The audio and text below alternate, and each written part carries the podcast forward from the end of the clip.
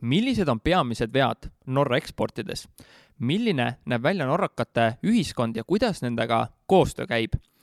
mis peaks paigas olema ettevõttes enne, kui sa Norra turule minema hakkad ja mis on samm-sammuline protsess selleks, et oma toote või teenusega Norra turule jõuda? mina olen Timo Porval turunduslaborist ja digiagentuurist Lavi. ekspordime osa number kakskümmend kolm on valmis ja alustab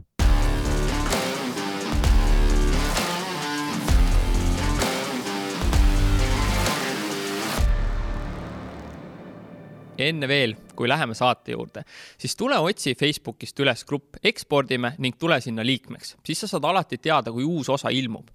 ja kui sa kuulad täna seda podcast'i, siis tea, et tegelikult on olemas Youtube'is ka videod, otsi sealt üles Ekspordime Youtube'i kanal, vajuta subscribe ja saad samuti alati teada, kui uus osa on väljas. Läheme saate juurde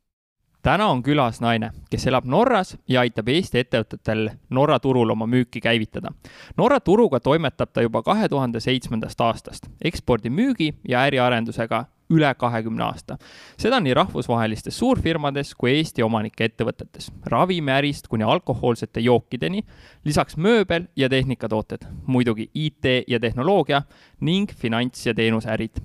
ühes äh, välismüügile suunatud tööga ja hobina selle kõrvalt on ta läbi reisinud üle seitsmekümne riigi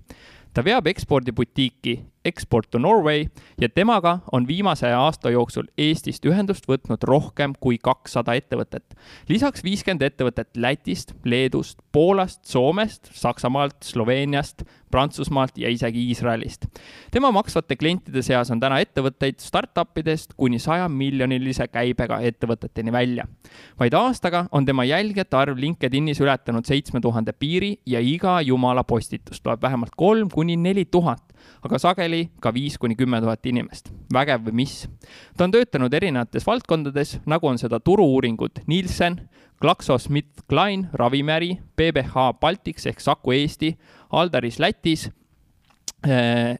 Eaton, tehnikakontsern, Guild Bankers, tollane Baltikumi suurim investeerimispank, Sora, Sorainen advokaadibüroo äh, kontoritega neljas riigis, Microsoft, äh, lisaks kolis ta selle töö tegemiseks Riiga ja äriarenduse kõrvalt tuli uue suunana sisse Government Outreach, seda üle Baltikumi ning Bellus, Eesti mööblitootja rahvusvahelise müügitiimiga üle Euroopa. ekspordi suunalt oma üheks kõige arenevamaks tööks peab ta Guild Bankersi fondidesse raha tõstmist üle Euroopa ja maailma. ta oli tol ajal iga jumala nädal mõned päevad Londonis, Stockholmis, Genfis, Helsingis, Zürichis, Oslos või kus iganes müüki tegemas potentsiaalsetele investoritele, et saada neid Guildi fondidesse raha investeerima. nagu kuulda ja arvata võib, siis on ta ägedaid asju oma karjääri jooksul teha saanud kuhjaga ja sinna kõrvale palju purjetada ja reisida ning kaks kuud ka eralennukiga mööda Euroopat lennates. Anneli Andersen, tere tulemast podcasti Ekspordime. oh vau see oledki sina äge ja uh niimoodi ja äh, oh, sõnatu kas sa tahaksid äh, siia juurde midagi täiendada, äh, parandada, muuta? Ähm,? ei, ma arvan, et äh, eks äh, jah, noh, võib-olla mida ma, mida ma täna seda tööd tehes, mida ma siis täna teen oma ekspordibutiiki äh, pidades, et kui ma kunagi kümme aastat tagasi mõtlesin, et miks ma iga kord teen neid raskeid valikuid karjääris ja liigun uude sektorisse, siis täna tagasi vaadates ma olen super tänulik, et ma just nii seda tegin, sellepärast et kui mul täna küsitakse, kas ma fokusseerin konkreetselt mingitele kitsastele valdkondadele, siis ma saan öelda, et mul on julgust vaadata suhteliselt laialt otsa erinevatele nendele ekspordilugudele, case idele, Eesti ettevõtetele ka selles suunas, et et ma ei pelga ühtegi ärisektorit, olles toimetanud nii, ehitanud üles distributsiooni network'e, töötanud agentidega, töötanud oma müügitiimidega ja tegelikult täpselt nagu sa ka ütlesid, äh, Guild Banker siis tõstes ka raha Eesti fondidesse, et ma mäletan, kui ma tol hetkel läksin äh, investeerimispangandusse tööle, mm, äh, tulles nagu täiesti teistest sektoritest, noh, siin sai mainitud juba Nielsenit turu-uuringute poole pealt, GlaxoSmithKline ravimiärist ja alkohoolsete jookide äri siis Carlsberg Carlsbergi grupis olevas Sakus Alderises ja Schwitturi suutenuses. et ja lisaks sinna veel Eatoni kontsernina distributsiooni network'i ühe ülesehitamine ja kui ma läksin, siis tegelikult äh, Gildi, siis juhtus see, et just minu panganduses töötavad sõbrad olid need, kes väga ettevaatlikult, oh mai, et see on nagu peaaegu võimatu tõsta välisraha Eesti fondidesse, eks ju. aga, aga noh, mis mina olen nende oma karjääriliigutustega õppinud, loomulikult hästi kerge on viia ennast sinna punkti, et oh my god, et see challenge on liiga suur, ma kardan, ma ei julge aga tegelikult, kui sa jagad need ülesanded väikesteks sammudeks, hakkad toimetama, eks ju, noh siis nendesse samadesse gildi fondidesse, et minu meelest äh, meie, kui ma õieti mäletan, meie flagship fondi Guild Arbitrage'i väärtus tol hetkel oli kas kolmkümmend milli euri, kui ma liitusin ettevõttega. ja me tõstsime sinna ligi viiskümmend miljonit euri wow. ja fondi väärtus kasvas saja miljonini, nii et noh, siis tuli küll finantskriis ja omad väljakutsed sellega, aga, aga noh, sellise müügitöö rahaga kaasamise, noh, ja tegelikult on ju tegu täpselt samasuguse eksportmüügiga mm, -hmm. lihtsalt finantsmaailmas me veel enam müüme usaldust ja tulevikulubadusi, on ju mm. -hmm kui ma ütlen, kui ma seda eh, kokku panin, seda sinu kohta, seda infot, siis ma vaatasin ikka, vau, mis naisega tegu on, mida kõike ära tehtud on ja noh, nagu sa ütled, tõesti väga paljudes erinevates sektorites. ja, ja eks mul äh, vahel mõned äh, sõbrad, siuksed head, natuke ka mentorina kõrval, ega nad on ka öelnud, et Anneli, sa ei tee elus kõige lihtsamaid valikuid alati. aga, aga võib-olla noh, jälle ma ütlen, et täna tagasi vaadates äh, ma ei kahetse ühtegi sammu on olnud ka selliseid hetki loomulikult, kus mõtled appi, my god, nagu päriselt, eks ju, ka tegelikult niisuguses kultuurilises ja juhtimise, juhtimise võtmes, et eks on nähtud ju väga erinevates ettevõtetes töötades on jällegi olnud nii, nagu ma täna saan võrrelda Eestit ja Norrat, olles mõlemas siis ikkagi kahe jalaga sees, mitte lihtsalt ühe jalaga siis, siis tegelikult ka see ettevõtete, korporatsioonide, Eesti omanike äh, Baltikumi tiimidega, eksportmüügiga,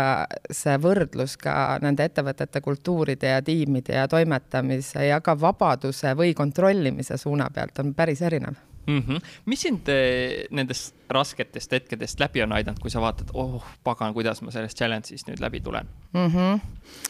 Äh,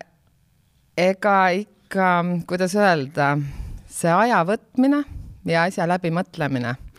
ja, ja siis on ka noh, ma olen väga õnnelik oma selle lähiringiga sõprade suunalt, et et toimekate kogemusega ja, ja kui ma selles seltskonnas siis saan jagada ka neid oma väljakutseid ja, ja mõnel puhul just täna ka peegeldades oma mõningaid nagu väljakutseid,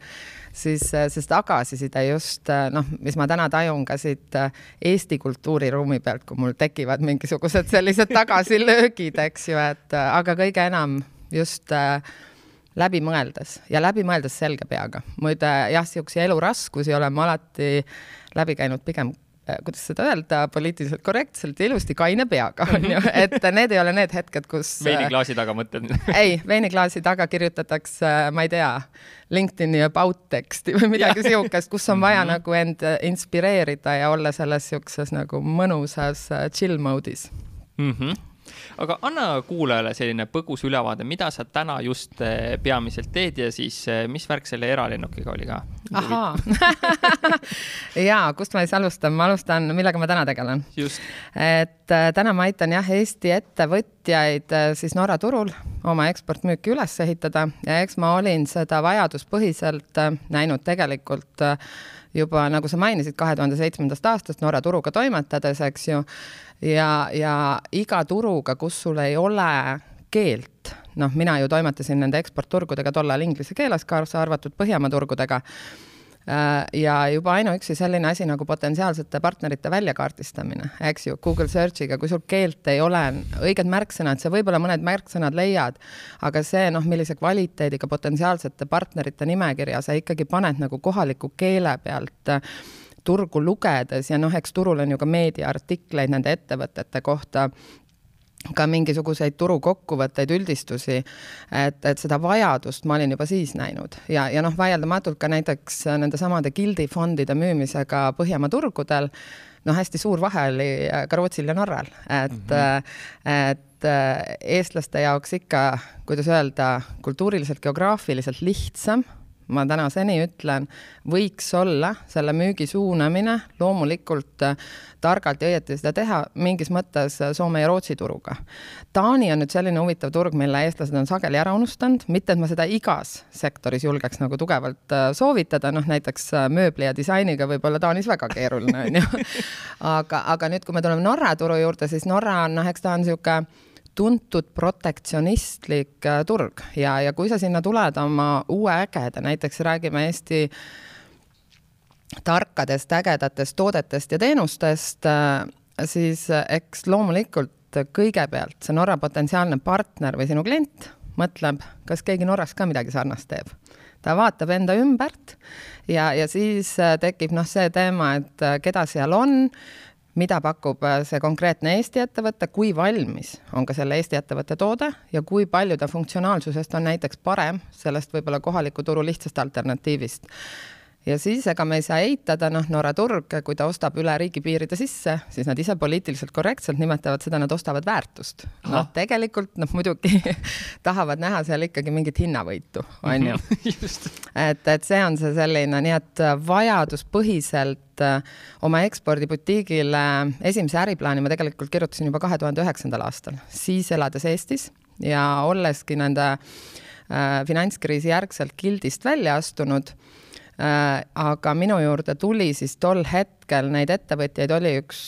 neli-viis, kes olid meil äh, gildis investorid,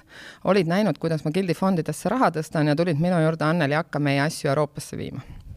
ja niimoodi ja ja, ja tol korral, kui ma nendele asjadele otsa vaatasin, ma saingi aru, nad olid kõik selles positsioonis, et äh, täiskohaga ekspordijuhti endale palgale võtta, natuke nagu niisugune mõne koha pealt ka riskibusiness ja võib-olla ka eelarvelistel põhjustel, võib-olla ka ei olnud täiskohaga kohta vaja, on ju, aga selline outsource itud teenusena ta sisse osta, kombinatsioonis siis noh, seal on mingid alati mingisugused ettevalmistavad tegevused, mis on mida noh, iga, iga minu sektoris toimetav ettevõtja ikkagi peab ühel või teisel moel hinnastama, et noh, seesama turu kaardistamine või selle müügiloo ärapakendamine või ka potentsiaalsete partnerite väljakaardistamine, need on asjad, mille pealt see ettevõtja võib hiljem ka ise lennata, eks ju. Aga siis, kui me juba hakkame nende partneritega toimetama, neid pikaajalisi suhteid ehitama, noh, see on see, kus saab tuua sisse ka selle tulemustasu teema, eks ju. Mm, -hmm. et mitte kõik, on, on inimesi, kes ütlevad, et nemad tahavadki toimetada üksnes tunnitasu või palga, noh, mina olen nüüd see ettevõtja, kes on valmis siin ka seda riski jagama ja seda võimalust nägin ma tegelikult juba kaks tuhat üheksa. nii et kui see Norra kolimise teema tuli, siis ma kohe teadsin, mida ma teha tahan. Oma ekspordibutiiki, mul oli lihtsalt see väljakutse, et ma tahtsin oma norra keele saada samale tasemele vähemalt, kui mul on inglise keel. Ja noh, inglise keelega seitsmenda keskkooli või inglise kolledži taust, kakskümmend aastat tööd inglise keeles, mul olid kõrged nõudmised endale. Võtsin väikse aja, et see keel sinna üles tõmmata. aga, aga kui me nüüd jah, tuleme selle äh, eralennukiga lendamise juurde, äh, siis äh, mis see aasta võis olla, ma nüüd praegu mõtlen, kerin tagasi see oligi finantskriisi järgne aeg. Äh, see oli vist kaks tuhat üheksa või kümme, see oli kaks tuhat kümme. Äh, ja Keit Siilats ja üks tema hea sõber USA-st, äh, nemad olid otsustanud siis teha sellise Fly for MS multiple sclerosis, põhimõtteliselt tõstsid oma lendamisega teadlikkust multiple sclerosis kui haiguse ja väljakutsete vastu ja, ja Keith'i sõber oli siis, tema oli investeerimispanganduses tegelenudki multiple sclerosis ravimite ja, ja, ja sinna investeerimisega, nii et oli teemaga ka vist läbi ühe lähedase sõbra suhteliselt seotud. ja mina sattusin nendega liituma selliselt, et et nad tulid Tallinnasse äh, ja kuidas nad raha tõstsid muuseas oma lendamise jaoks, nad tegid, pakkusid äh, Tallinna kohal selliseid väikseid äh, lennutuure, nii et ma ajasin neile kaks lennukitäist sõpru kokku, ma ei tea, kas tollal oli Eesti kroon ja viissada krooni see sõit. ja siis, kui me sealt lennukist maha tulime teise ringi pealt, siis ma mäletan, Keit ütles, et aga kuule, me homme lendame Moldovasse, äkki tahad kaasa tulla? Ja sa ütlesid jah ma põhimõtteliselt kohe mõtlesin jah, mul õde oli seal kaasas, ma kohe ei öelnud jah, mul õde ütles, ta nägi sekundist üks, et ma ütlen jah, aga mul oli ikka mingi põrge, et ja ma olin oma eelmise tööga jõudnud sinna kohta, kus ma teadsin, et on aeg edasi liikuda. Ja, ja siis ma saatsin need puhkuseavaldused ja ma läksin. Ja esialgu vaatega, et ma teen seda mõned nädalad. Aga siis jah, ma lendasin nendega kaks kuud mööda Euroopat, võttes küll äh, kas kaks pausi selle aja jooksul, et ma jäin üksinda maha Korfule ja pärast ma jäin Lissaboni. et noh, vahepeal peab puhkama nagu reisimisest tuleb puhata. väga lahe. millise ekspordidiili osas sa kõige rohkem ise uhkust tunned ja miks? jaa ja sellest äh, gildifondidest ja raha tõstmisest, sellest ma juba rääkisin, et see oli tõesti nagu seda enam, et mulle panganduses töötavad inimesed olid mind hoiatanud selle väljakutse eest, et aga mul endal on äh, väga hästi meeles, ähm, kuidas ma gildi läksin ja see oli, vahel sa tunned et see on see, mida ma nüüd päriselt tahan. Ja mina mäletan, minul oli see tunne see, et ma olin juba HR-iga mingisugused intervjuud seal ette läbi käinud ja kui ma istusin siis maha tollaste gildi partneritega, Rain Tamm eesotsas, ma arvan, neid oli neli tükki mul seal laua taga, Taavi Leppmets ja Tõnno Vähk ja kes seal veel võis olla. Ja, ja kui ma sealt siis tol korral City Plazast nagu selle liftiga alla sõitsin, siis ma teadsin, see on see, see on see, mida ma tahan ja tundus, et nemad tahtsid sedasama ja niimoodi me siis koos seda asja tegema hakkasime ja, ja teine teema muidugi enne gildi, millega ma juba ju tegelikult ka toimetasin, mis, mida võib lugeda täpselt samasuguseks eksporditööks. ma olin Eatoni, noh, tollase nimega Cooper Industries, äh, mis täna on siis börsil nimega Eaton, Eatoni esimene inimene Baltikumis ja, ja mida nad minult vajasid, oli üh, ehitada neile üles distributsiooni network siin Baltikumis ja ka tegelikult Soome, mul oli ka Soome vastutus. niimoodi, et ma töötasin siis Eatoni kahekümne tehasega üle Euroopa äh, ja, ja kuidas Eaton mind palgale võttis, see oli nagu, kuidas öelda, ma olen siiamaani väga tänulik Sven Simsonile ja Cooper Industries siis regiooni juhtidele tollal.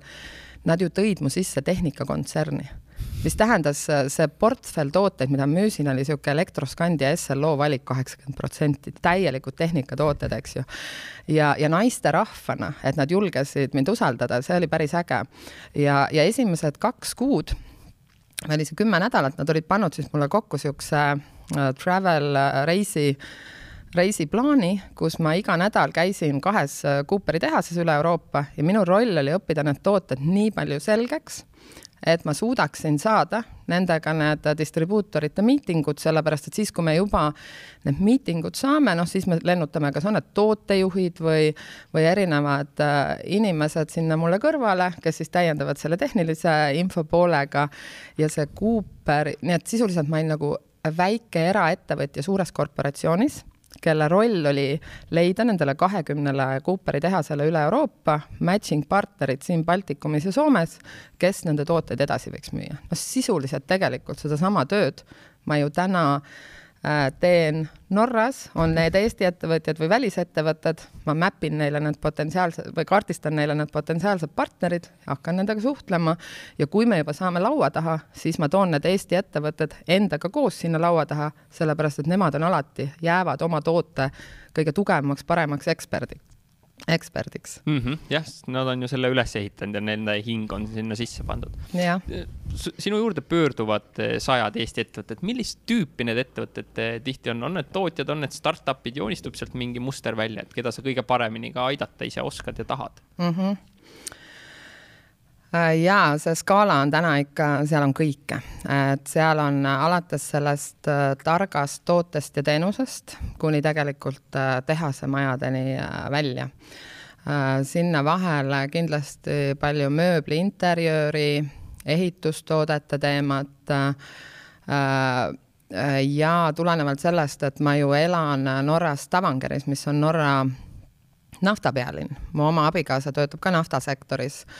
Äh, siis äh, on ka neid ettevõtteid, kes sihivadki Norra oil and gas'i ja offshore Norras ei tähenda mingit maksuparadiisi, tähendabki Norra nafta ja gaasisektorit, tähendab neid platvorme, mis on siis kaugel meres, offshore. Ja, ja muidugi ka marine industry't ehk et laevatööstust, ehitust sihtivad ettevõtted ja ka täitsa noh, täiesti Norra tööstust, aga loomulikult on ka joogitootjaid, on toidutootjaid, noh, toiduga ma küll olen väga ettevaatlik, on ka siin kosmeetika teemasid, et, et, et see, see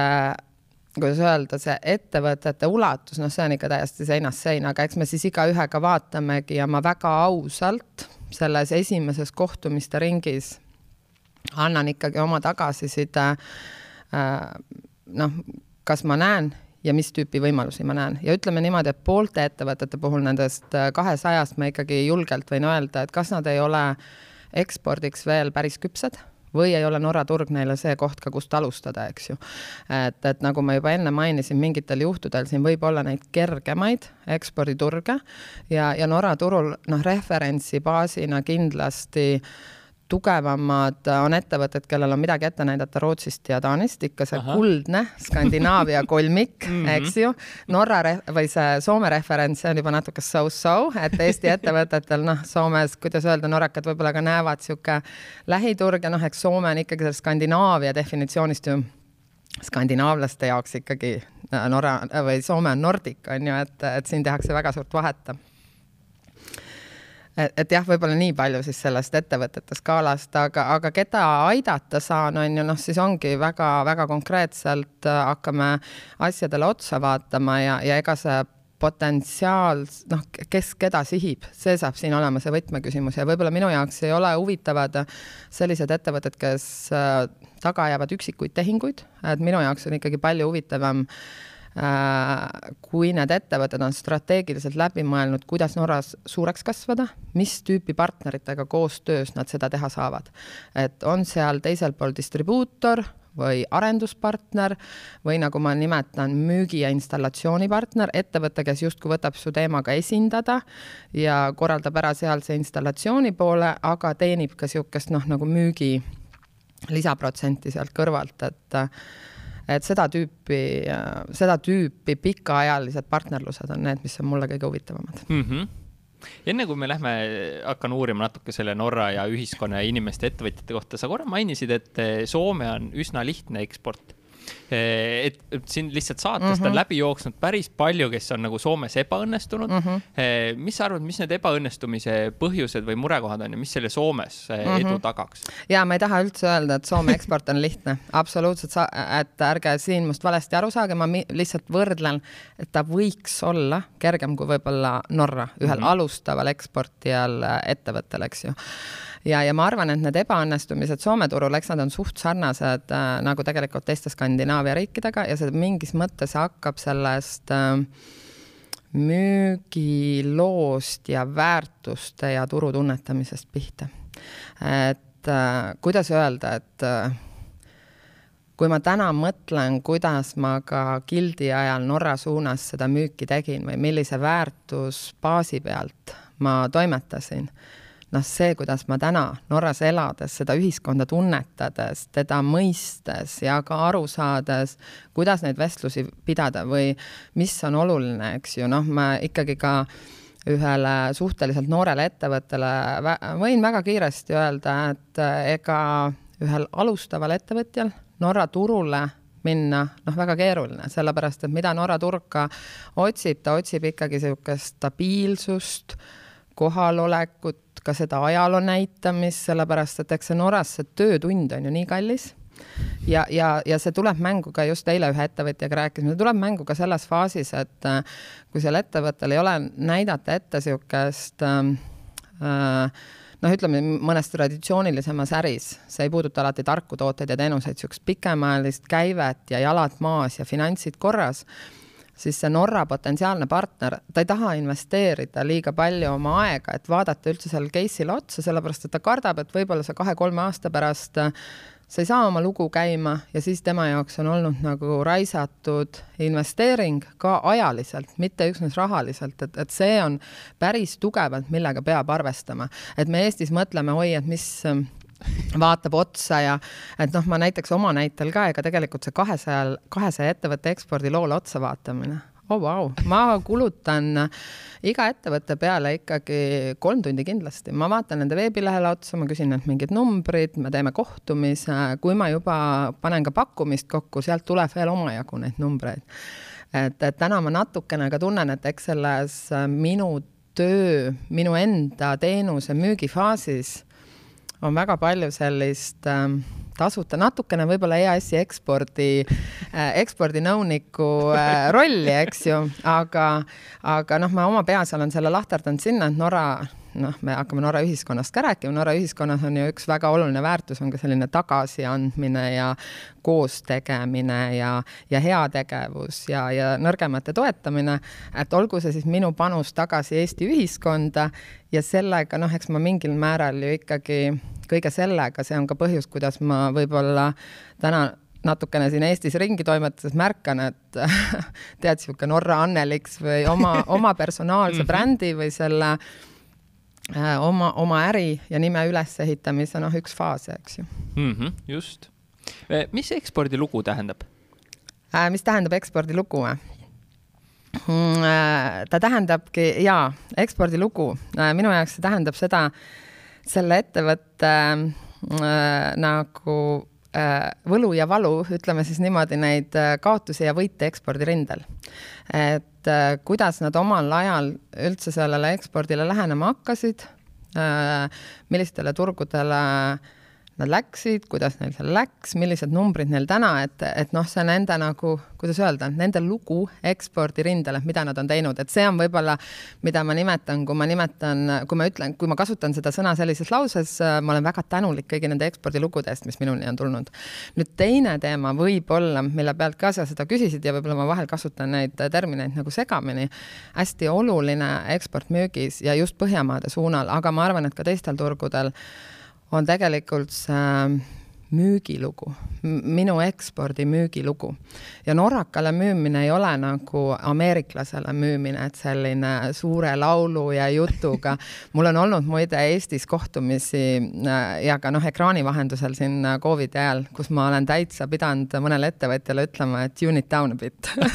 et sa ei pea mulle end üle müüma, et mina pean aru saama noh nagu mhm. päriselt, kus on teie tugevused, kus on teie nõrkused, et siis ma saan aidata teil pakendada seda lugu, eks ju. Ja, ja see lugu on, noh, see lugu on väga oluline selles plaanis, et et noh, Norras öeldakse ka, et ega, ega norrakale müümine, norrakas peab, norrakaga sa jõuad nagu nende päris tehinguteni, kui norrakas tahab osta. Mm -hmm. ja, ja, ja kuidas sinna jõuda, noh, eks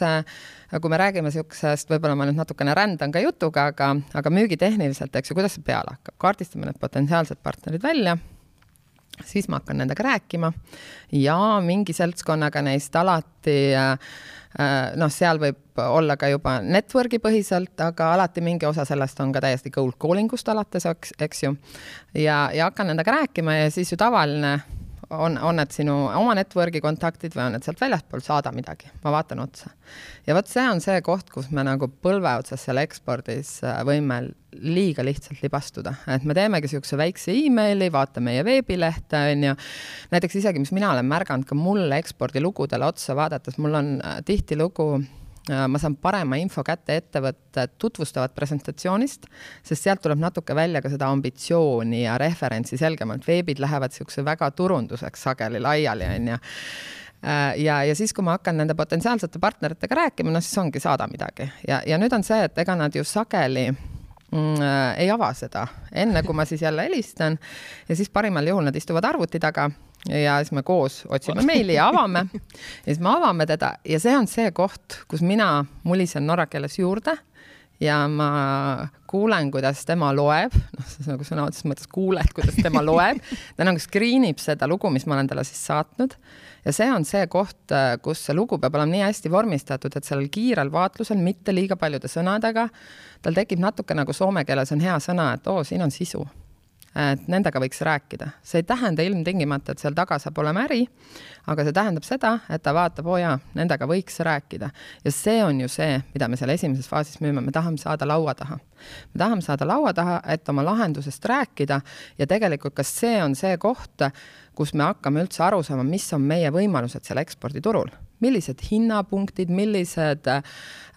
sertifikaadid, spetsifikatsioonid äh,, mis kõik võivad äh, mängu tulla ja piirata, et üldse millises segmendis ja näiteks praegu mul on ka üks projekt, mis on töös, on ju. Äh, äh, teine koht, ah jah, ma võib-olla ja jah, võib-olla ma nüüd natukene rändan jutuga, on ju. teine koht, kus natuke neid nurki lõigatakse ekspordis, on see potentsiaalsete partnerite pool ja, ja kuidas neid nurki lõigatakse, on see, et äh, hästi tavaline tean hästi palju Eesti ettevõtteid, kes on ehitanud ägedaid distributsiooni network'e liiga palju selle pealt, kes minuga sealt turult ühendust võttis. et noh, meil on niisugune äge innovatiivne toode, torkab natuke maailmas silma ja, ja kes sageli ühendust võtavad, on need, kellel kas ei ole liiga palju tööd või on uued ettevõtted, kes ehitavad oma asju, on ju. ja, ja siis jääb tegemata üks asi, et vaadata, kes on kõrval, näiteks need potentsiaalsed alternatiivsed distribuutorid, kellega võib-olla need müügipotentsiaalid oleks kümme korda kõrgemad, on ju, või kümme korda suuremad. Ja täna mul on ka äh, töös üks projekt mm,, äh, kus äh, me räägime potentsiaalsete partneritega, neid on nii umbes viisteist ja läbirääkimistega nagu täpsemalt koostöös, täna me räägime kõige väiksema ja kõige suuremaga. Et sa Aha. tegelikult nagu kunagi ka ei tea, enne kui sa nende potentsiaalsete partneritega rääkima hakkad, kelle, kes on mis faasis parasjagu, mõnel tuli just äh, uus tegevjuht, kes tahab nagu innovatsiooniga ettevõtet äh, ümber pöörata, mõnel noh, mõnel teisel ta sobitub teistpidi, kellelgi on tarnijaga midagi, olemasoleva tarnijaga midagi valesti läinud ja täna just on see võimaluse koht, et ja need asjad on kõik, mis tulevad välja sel hetkel, kui sa nende potentsiaalsete partneritega rääkima hakkad. Ja noh, omamoodi see noh, minu soovitus ekspordis ongi, et äh, see ette ettevalmistav väljakaardistamise töö ja siis sealt pealt, kui sa kõigi potentsiaalsete partneritega paralleelselt räägid, sul on nagu võimalus juhtida neid diskussioone natuke niisugune heas mõttes äh, beauty contest'i stiilis, et kui sinu toode on turule atraktiivne, et tekitada, äh, ühega räägid, aga jaa, me räägime ka teistega, eks ju see ka mhm. natuke kiirendab mingitel Muidugi. juhtudel läbirääkimisi ja tekit- ja, ja äkki me jääme ilma, on ju, et kõik mm -hmm. asjad väga äge. nüüd ma läksin mõttega rändama me toome selle mõtte kohe tagasi, et kui see esimene faas on, nii-öelda eesmärk on saada sinna laua taha, kas eelistad saada, kas see oleks nagu päris kokkusaamine, nagu meie siin stuudios istume või on see kuskil Zoomi või Meeti või mis iganes vahendusel? ja, no kõige parem on absoluutselt laua taga, kõige parem on laua taga ja õnneks noh, kuna mina olen juba otsapidi Norras ja ka siin Covidi ajal, ka piirangute ajal, noh, Norra sees meil ju siselend on kogu aeg käinud ja käib kogu aeg, et noh, näiteks minu oma abikaasa näitel tema jaoks iga tööreis hakkabki lennukis suhteliselt, väga harva hakkab see Stavangeris otse helikopterist on ju naftaplatvormile, et, et Norra sees see lendamine on hästi tavaline, et sa võid istuda hommikul lennukis, teha Oslos oma miitingud, olla õhtuks tagasi.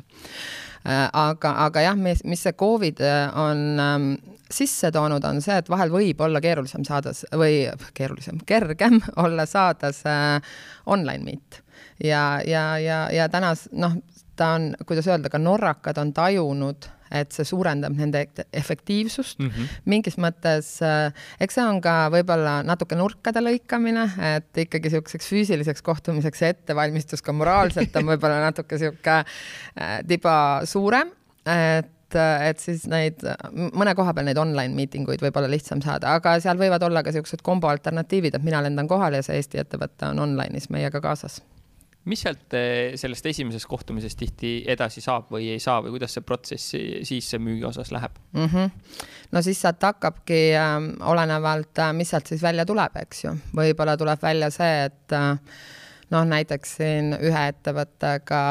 võib-olla selle toote tuleklass ei ole selline, mida Norra turg ootab, eks ju, ja võib-olla see tuleklassi teema on juba sellel ettevõttel tööplaanis ja siis ei olegi muud, kui tuleb võtta see aeg, teha see tuleklass korda ja siis me lähme tagasi. aga, aga nüüd on ka see koht, et, et sellel vahepealsel ajal ei, ei tohi seda Norra ettevõtet ju ära unustada, tasub teda ikka meeles siis hoida, et kuidas meil selle tuleklassi korda tegemine ja võib-olla me tegime mõne ägeda projekti mõnes teises riigis, kus tuleklass ei ole teema, eks ju, et nende oma uudiste ja progressiga ikka kursis hoida, et aga mingitel juhtudel võib ka selgelt välja tulla, et noh paraku selle konkreetse spetsifikatsiooni, hinnaklassi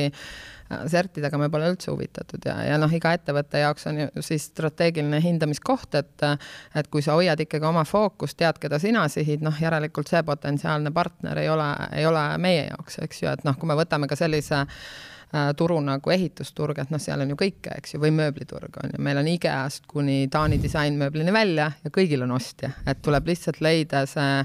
endale sobiv partner, kes just äh, selles minule põnevas sektoris toimetab ja kuhu me oma tootega võiks äh, kõrvale sobituda. ja eks äh, alguses, ega need esimesed sammud on ju selles mõttes äh,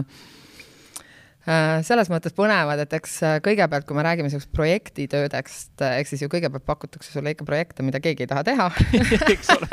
ja mida keegi ei taha teha. kindlasti nendel miitingutel tšekatakse neid hinnapunkte sellisel tasemel noh, kus tulebki öelda, et me ei saa nagu õune ja apelsine võrrelda, eks ju, et meie selles kategoorias ei mängi, et meie mängime ühe teises kategoorias. Et, need on nagu niisugused ühelt poolt enesekehtestamise, kompamise ja tegelikult kõige selle taustal kõige olulisem, usalduse ehitamise. et, et kui sa ikkagi seal silma, meelde jääd, ka võib-olla selle, selle konkreetse lausega me selles kategoorias ei mängi, meie, meie teema on kuskil mujal et alati ka sealt pealt võib neid võimalusi tulevikus tulla, et see ei tähenda veel seda ei-d, on ju mm. -hmm. pikka mängu. jaa. Eh, kui sa peaksid Norra ühiskonda kirjeldama üldisemalt mm, -hmm. milline see välja näeb, mis nendele inimestele olulised on? millest me peame aru saama eestlastena? jaa noh, üks asi, mida ma täna, mina ju võrdlen, eks ju, ma võrdlen Eestit ja Norrat nagu ma enne ütlesin, kahe jalaga mõlemal pool olles Äh, ja see üks teema, mida ma muidugi Norras, äh, võib-olla ma kolm märksõna kohe kiirelt äh, tooks välja ja siis saab natuke pikemalt neist rääkida. Üks on kindlasti usaldus, siis on helgus. ja oh, ja mis see kolmas oli? ma suutsin praegu ära unustada. hakkame, hakkame usaldusest peale. hakkame usaldusest peale, jah. et, et noh, jah, et et see usaldus naabrite vahel või usaldus minu kui tarbija ja eraettevõtte vahel või usaldus inimese ja riigi vahel, et et noh, seda viimast äh, ju näitas väga ka see Covidi kriis, eks ju, et kui ikkagi äh, Norra valitsus tuli soovitustega nii või teisiti käituda, siis selline elupõline norrakas ka neid ikkagi äh, jälgis. ütleme niimoodi, et, äh, et norraka jaoks juba suure, suures plaanis piisab ka soovitusest mm. -hmm. ja, ja noh, ka see vaktsineerimisel äh, kuidas öelda, jah, selle usalduse juurde veel, veel ühe märksõnana siin koos tegemine, et see arusaamine, et me ei ole üksi selles, me saame selle Covidi seljatada, kui me koos vaktsineerime ja noh, meil siis vedaski, me saime nagu ikka kaheks kuuks täiesti piirangud maha ja suvi oli ka muidugi hästi tore et, et jah, need on, need on võib-olla ja, ja noh, nüüd üks valus teema, mida me Eesti ja Norra vahel liikudes märkan, on muidugi see helguse teema. mitte valus norrakate jaoks, aga, aga, aga kui ma näiteks Eestis mööda tänavat satun kõndima ma ei tea, kas varem nendel toredatel ametikohtadel toimetades ja noh, niisuguse korporatsioonide äh, palganumbreid ja ametiautosid ja kõike nautides, ma ei tea, kas mul olid nagu pooleldi silmad kinni, täna ma näen vahel seda valu tänaval. ma nimetan seda survival economics. et kui ma midagi saaksin Eestis teha, et ma tahaksin seda alumist otsa tuua ülespoole, tuua järgi nagu päriselt. et ma näen, kui terve on Norra ühiskond läbi selle, et sa, kuidas öelda, ikkagi, kui sa Norras niisugusel täiskohaga ametil, mis iganes, alates koristajast, Selveri kassapidajast, medõest, nad, nad on kindlustatud noh, niisugust, kuidas öelda, elamisväärsete palkadega, lubades endale koduautot ja ka puhkusereisi. ja, ja, ja, ja, ja noh, mida mina suhteliselt kiirelt märkasin ka oma abikaasa sõprade näitelt, tema sõp-, tema sõprade seas võib olla inimesi taksojuhist kuni ettevõtte juhtide ja vanarahani välja. et see variety ja see värv, et ja siis ma võrdlesin seda enda sõpruskonnaga siin Eestis, suhteliselt homogeenne mm., väga sarnased minule endale, toimetanud sellistel turundusmüügiettevõtjad, selline noh, nagu suhteliselt kitsas seltskond ja kui palju sul jääb tegelikult tunnetamata läbi selle mingite teiste ametite, ühiskonda või noh, nagu seltskondade seda vaadet elule, et, et see värv ja, ja, ja, ja need ühe, ühendavad teemad Norras, võib-olla ka seda Norra ühiskonda kirjeldades nüüd siitsamast edasi. My god, kui palju hobisid võib inimestel olla. täitsa lõpp. Ja, ja eks see ongi äh, noh, ja võib-olla siia hobide juurde tasub mainida ka seda, et kui ma kolisin või, või noh, Norras siis hakkasin nagu rohkem aega veetma, siis ma, ma mäletan mingit korda, kui me olime oma tänase abikaasaga teel linna ja ta ütleb mulle, et oi, kiirusta, et muidu me satume ummikutesse. Ma ei tea, mis mõttes, kell on alles pool üks, on ju, ja ongi kahest viieni on nagu sellised meie suured ummikud. et, et see ka nüüd nagu näitab, et võib-olla norrakas tõesti oma tööpäeva alustab ka tiba varem, kell kaheksa on tavalisem kui meil ja ma tean, meie naabritest ka keegi läheb juba seitsmeks ja aga, aga siis seda õhtust pärastlõunast aega, mida nüüd väärtuspõhiselt hästi palju, lapsed on fookuses, eks ju, laste, pere koostegemisega, mis ei tähenda seda, et ei oleks ka neid, kes peale laste magama minekut ei avaks seda arvutit ja ei planeeriks seal oma järgmise päeva kohtumisi või tegemisi, aga, aga, aga kuidagi see töö-eraelu suhe, see kindlasti on keskmiselt parem kui siin. ja võib-olla, ja võib-olla jah, ma mainisin, et mida me Eestis tahame tahaks väga teha, üks on seda alumist otsa järgi ülespoole tuua, aga teine teema võib-olla sellisel väga toimekal mm, äh, kuidas öelda, hea palgaga, aga kõrge konkurentsiga võib-olla siin natuke see, kuidas need töötunnid vähe mõistlikumaks saada, et me ennast nagu ribadeks ei töötaks, et mina olin ikka ka korralik töönarkomaan, ma ei tee siin saladust, mõned mu sõbrad tegelikult viskavadki nalja, et see minu vahepealne paus, kus ma norra keelt õppisin, et äh, kuidas öelda, ütlevadki otse, et tõenäoliselt su keskmine tuleb täna nagu nii, nagu ta olla võiks, eks ju, et, et ma ikka jah, ma võisin elada tööga niimoodi, et äh, kaksteist kuni kuusteist tundi ööpäevas on ju. väga hull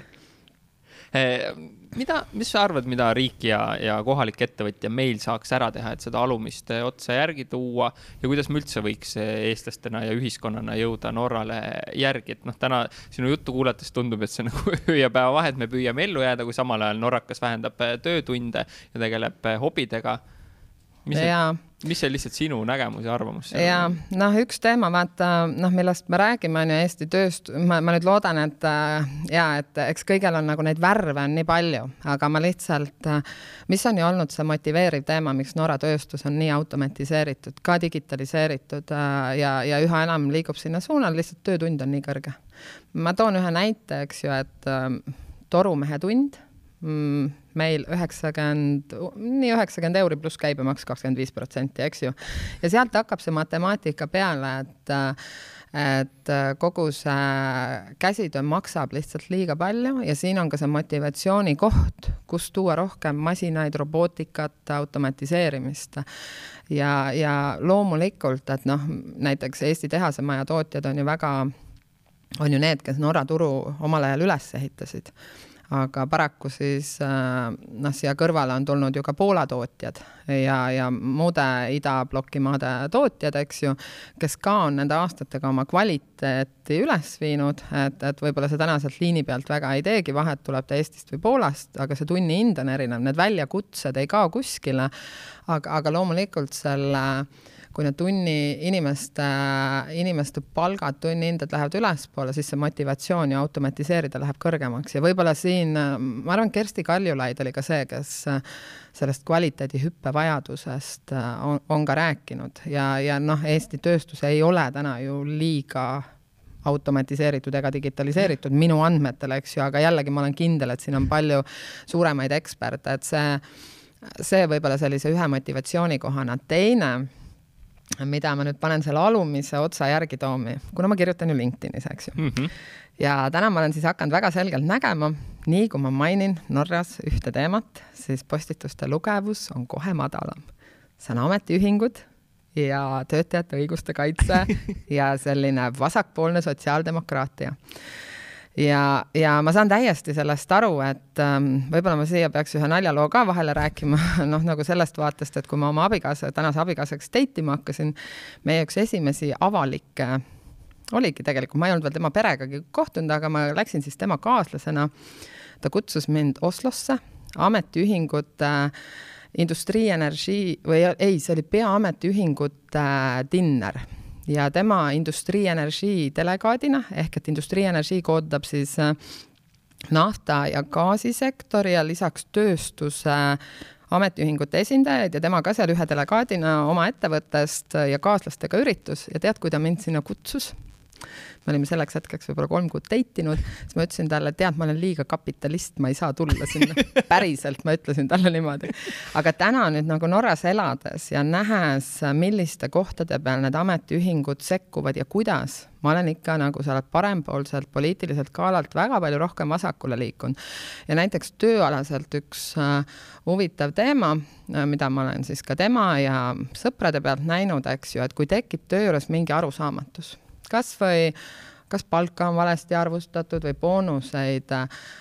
need või tööaja arvestuses midagi või, või mingid muud siuksed äh, teemad äh,. Need teemad, neid ei võeta edasi töötaja ja juhi vahel. töötaja annab selle edasi oma firma ametiühingute inimesele, kes hakkab seda ettevõtte sees lahendama. ja mida see teeb nagu töökeskkonnale töökeskkond on ju jälle nii palju tervem mm, -hmm. sellepärast et see probleem, kõik teavad, et see lahendatakse kuskil mujal ja meie omavahel jätkame tegemist nii, nagu kogu aeg oleme teinud. ja näiteks hiljuti kuulsin üks konkreetne probleem, see võttis kolm aastat, aga lahendati ära, need puuduolevad boonused tulid üle, onju. et, et, et see on ka nagu see ja, ja noh, kui ma niisuguse riigina no, jah, noh, ega siin on see miinimumpalk on, kus see miinimumpalk on ja vahel ma küsin endalt, kas meie Riigikogu liikmete palk peaks olema seotud Eesti keskmise palgaga või peaks seda üha enam hakkama siduma just selle miinimumotsaga.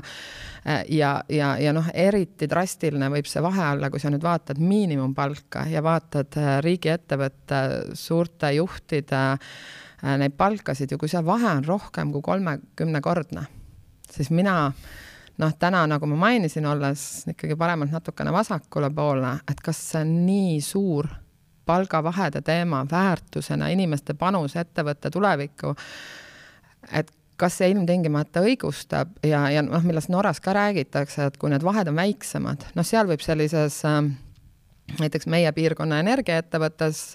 kui ma siin seda teemat paar aastat tagasi vaatasin, oli see kuue-seitsmekordne, on ju, kõige madalama ja kõige kõrgemat äh, teeniva inimese vahel. ja, ja millest Norras väga palju räägitakse, et kui see käär läheb liiga suureks, siis ka see motivatsioonikoht sellel alumisel kohal nagu panustada ettevõtte mm -hmm. pikaajalisse tulevikku, eks ju, et see motivatsioon on võib-olla paremini juhitud, kui jah, ma tean, et see tipp võib teenida seal tõesti kuus-seitse, võib-olla kümme korda, aga noh, kolmkümmend korda, see läheb juba niisugusest nagu natukene äh, kosmoses äh, noh, tänasest minu Norra vaatest ja Norra alumise otsa pealt, mis on oluliselt kõrgemale toodud, kui, kui ta Eestis on mm. -hmm. kui sa peaksid äh, kohalikku ettevõtjat, Norra ettevõtjat kirjeldama, kuidas ta Eesti omast erineb, mis vahe seal on mm? -hmm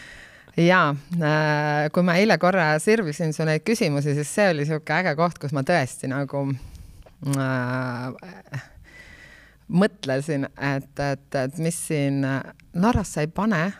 väga tähele selle ettevõtja puhul, et ta erineks töövõtjast. sa ei pane välistel välistel näitajatel, noh, loomulikult on mingid sektorid, kus on rohkem niisugune, on need pangandused ja finantsid ja investeerimispangandus ja võib-olla ka advokaadid, kus on natuke ka selle riietuse ja kõigega juba see oma positsioneerimine ja, ja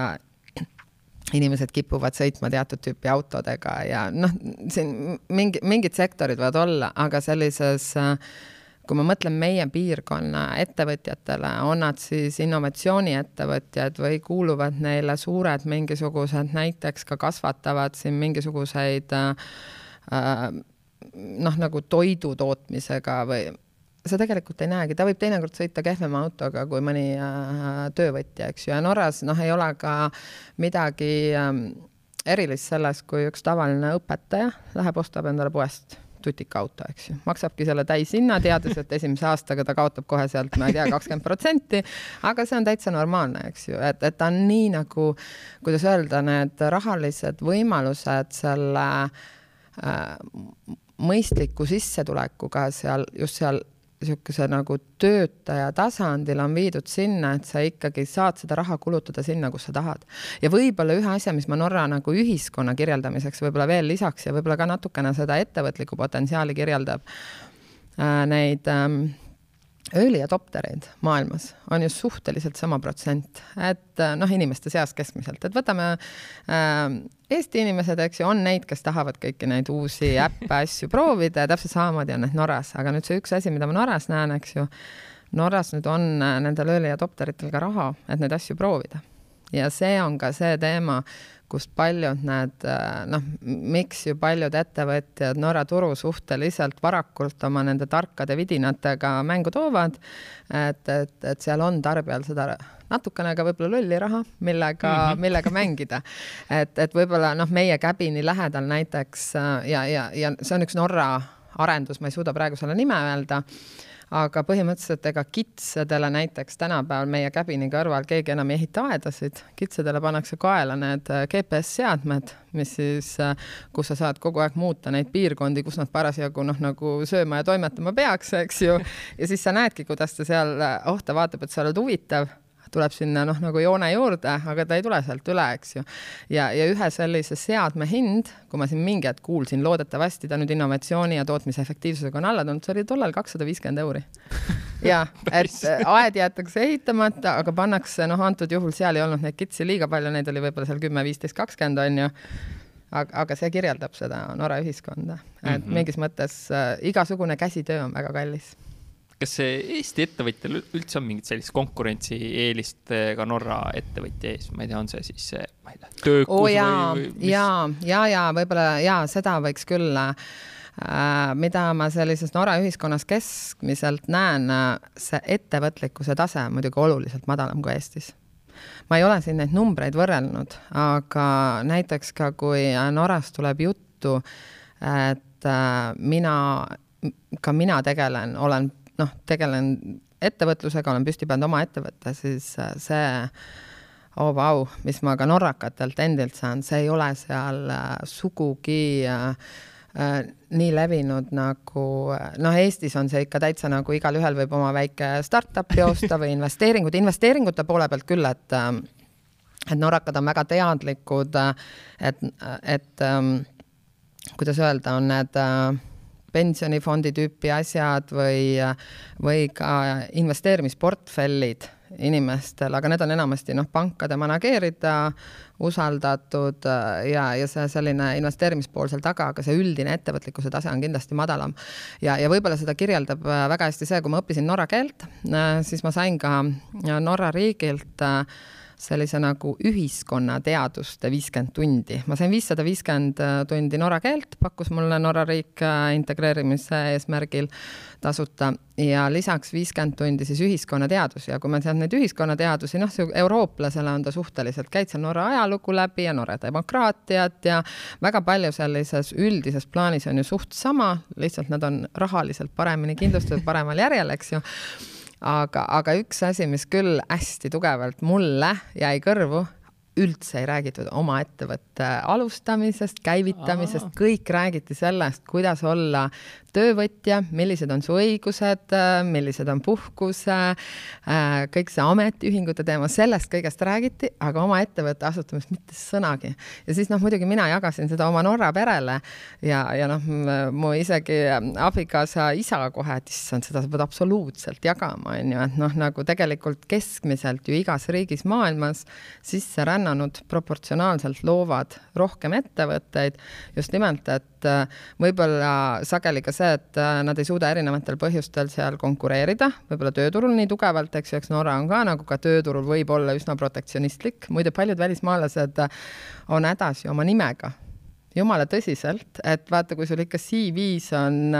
Äh, noh, nagu mingi väga eriline nimi, mil, kus kohe saadakse aru, et sa oled äh, väljapoolt Norrat, siis ma saan aru, et see võib olla niisugune üsna tugev käär, nii et osad äh, muudavad oma nime, noh, minul on nüüd nimega tohutult vedanud, Anneli on ka Norra nimi, eks ju, Anneli Andersen enam norrakamaks mingis mõttes, nii et kui ma norrakatele kirjutan, nad arvavad, et ma olen norrakas, kui ma rääkima hakkan, siis nad küsivad, kas ma olen Soomest ma võtan seda alati komplimendina mina oma Soome nime peaks siis ilmselgelt ümber muutma, kui tahate seal tööle minna. Äh, ja Soome ja muide, üks asi, mida ma panin Norra selles, ähm, kui me nüüd suvel purjetasime, see suvi me purjetasime siis Norrast äh, Taani, läbi Taani Limfjordi siis Rootsi ja Rootsi rannikut pidi jälle üles Norra,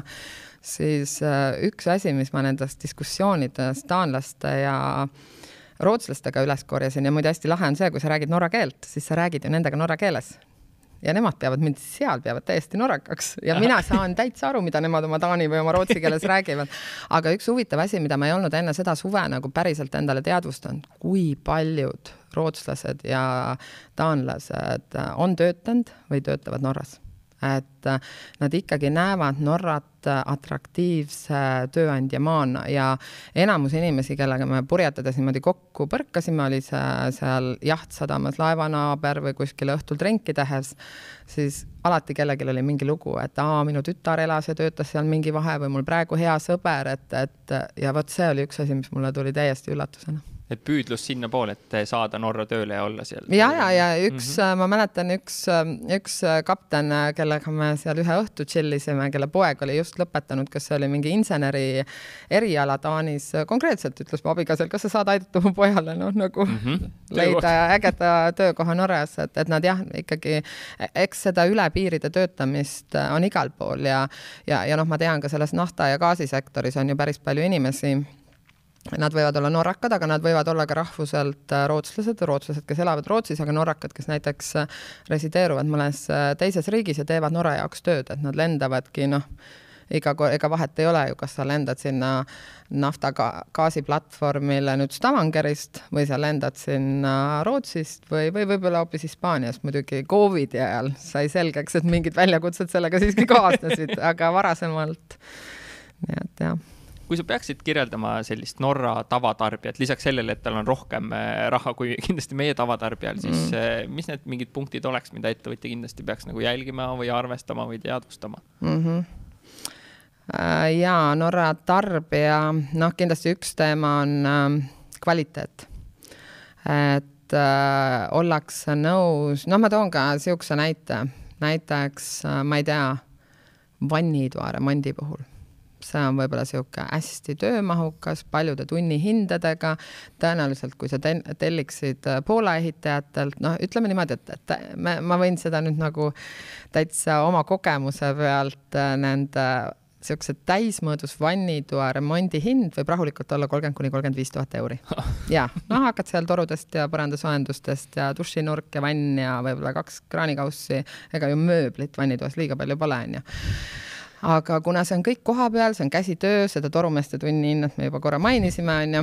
siis sealt see tund hakkab äh, kokku lugema ja, ja kui nüüd niisugune noh, nagu mina eestlasena mõtleksin kõrvale, et issand jumal, et tooks, äh,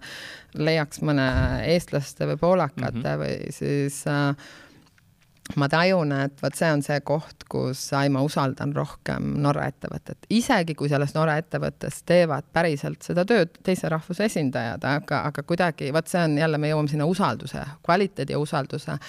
ja näiteks noh, üks teine teema, mis kirjeldab seda usalduse teemat tarbijana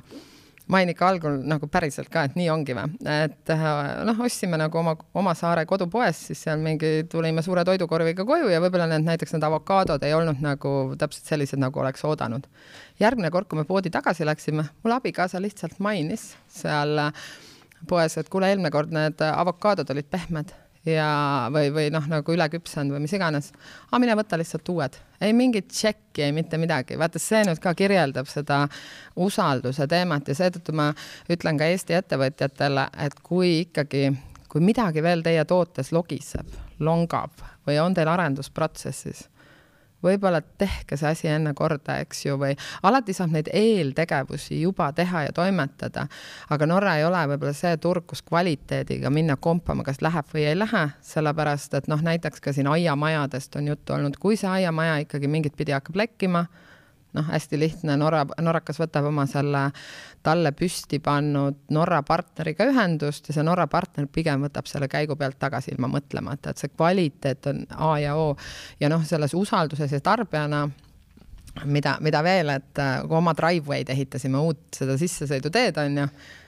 arve tuli umbes niimoodi, et töö tehti nagu mais ja minu meelest äh, arve tuli kahes osas, viimane osa arvest tuli vist septembris või Aha. midagi siukest, et noh, nagu vaata ka jälle, et, et Eestis meil on pigem need ettemaksud ja. just, arve ja, oleks kohe, kui nii-öelda pole ja. ehitaja väravast väljagi läinud, juba ja, on sul arve. ja, ja, aga tuleta küsimust meelde, et ma natukene läksin võib-olla rändama. Norra kohaliku selline tarbija käitumine. inimene ja. tänavalt, kes ostab mm, -hmm, mm -hmm. millega Eesti ettevõtja peab arvestama. jaa, et et äh, ja tõepoolest ähm, ja võib-olla mööblisektoris ka see üks asi, mida ma tegelikult julgeks kõigile soovitada, kes äh, kes mööblituruga ühel või teisel moel Põhjamaa turgudega toimetavad, et tasub võib-olla natukene proovida sellele tarbijale selle poole pealt ligi saada, et näha, kuidas nad oma neid mööblioste teevad. Ja näiteks üks ikkagi minu jaoks ka, olles mööblisektoris toimetanud, aga, aga see, kuidas vaadatakse seal IKEA või Norra näitel ka Shaderi oste noh, see võib olla, see on niisugune planeerimatu, et umbes meil on koju riiuleid vaja, lähme ostame. et, et ta ei ole nagu eelarves ed, eraldi rida, mida võib-olla kuid mõeldakse. et see selline äh, kiire tarbimise, kiired lahendused ja, ja siis ongi, et kui sa koju ikkagi ostad nagu mingit noh, diivanit või asju, noh, diivanit üldiselt keegi ei lähe, kindlasti on IKEA-st ka diivaniostjaid ja voodiostjaid, aga aga, aga, aga jah, et kuidas see turg, milliseid tooteid ta võtabki sealt altotsast ilma eelarvele lihtsalt nagu käigu pealt ja, ja siis, mis on need rohkem nagu planeeritavad, et et võib-olla ka see sellise huvitava detailina siia juurde. aga, aga jah, kogu selle sisustusteemaga äh, üks, üks teema ka, mida ma Norras märkan, iga kevad hakkab äh, selline värskendus, äh, kuuride teema, et seal saare peal siis, kus meie elame, meil on seal mingi kuus-seitse maja teineteisele lähemal ja ma esimestel suvedel panin kohe päris karmilt tähele või esimestel kevadel siis, kuidas kuskil seal aprillis-märtsis, kui need esimesed päiksekiired ja noh, juba natuke soojemaks tõmbab, noh, me oleme ju Atlandi ääres, golfi hoovus, meil hakkab võib-olla see soem natuke varem pihta Äh, siis äh, vähemalt pooled majadest äh, seal midagi, midagi tehti, vahetati mingeid aknaid või ehitati, värskendati vannituba või et, et see oli nii ilmne ja, ja, ja siis noh, mida veel võib võib-olla näha, et niisugune sarnane asi lendab, et seda näeb natukene riietuses, just äh, kooliõpilaste riietuses, et kui on ikka hall ja teatud tüüpi asi moes, siis äh, märkad seda suhteliselt äh, valdavalt. Ja, ja võib-olla ka kodusisustuses ikkagi, mis on need popid, värvid? Ja nende popide värvidega on niisugune lugu, et noh, kui mina vaatan mingit, ma ei tea, maja või korteri või värvi, minu, mul on nagu see mõte, et teeme ära ja nüüd on kümme aastat mureta mm. -hmm. aga mida ma Norras näen, on see, et äh,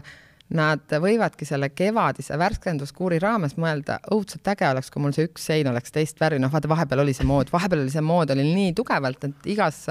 igas majas või korteris, kui ma Norrast sisse läksin, elutoas, üks sein oli teist värvi, enam-vähem noh, nagu sihuke tundus, et me, me olime täiesti nagu moest väljas standard. jah. mille osas me norrakatega hästi sobime? Mm.. kas on mingeid asju üldse on, on, on, on. et äh, minul tegelikult see Norra kolimine oli väga lihtne. Äh, kuidagi mingite põhiväärtuste pealt, et äh,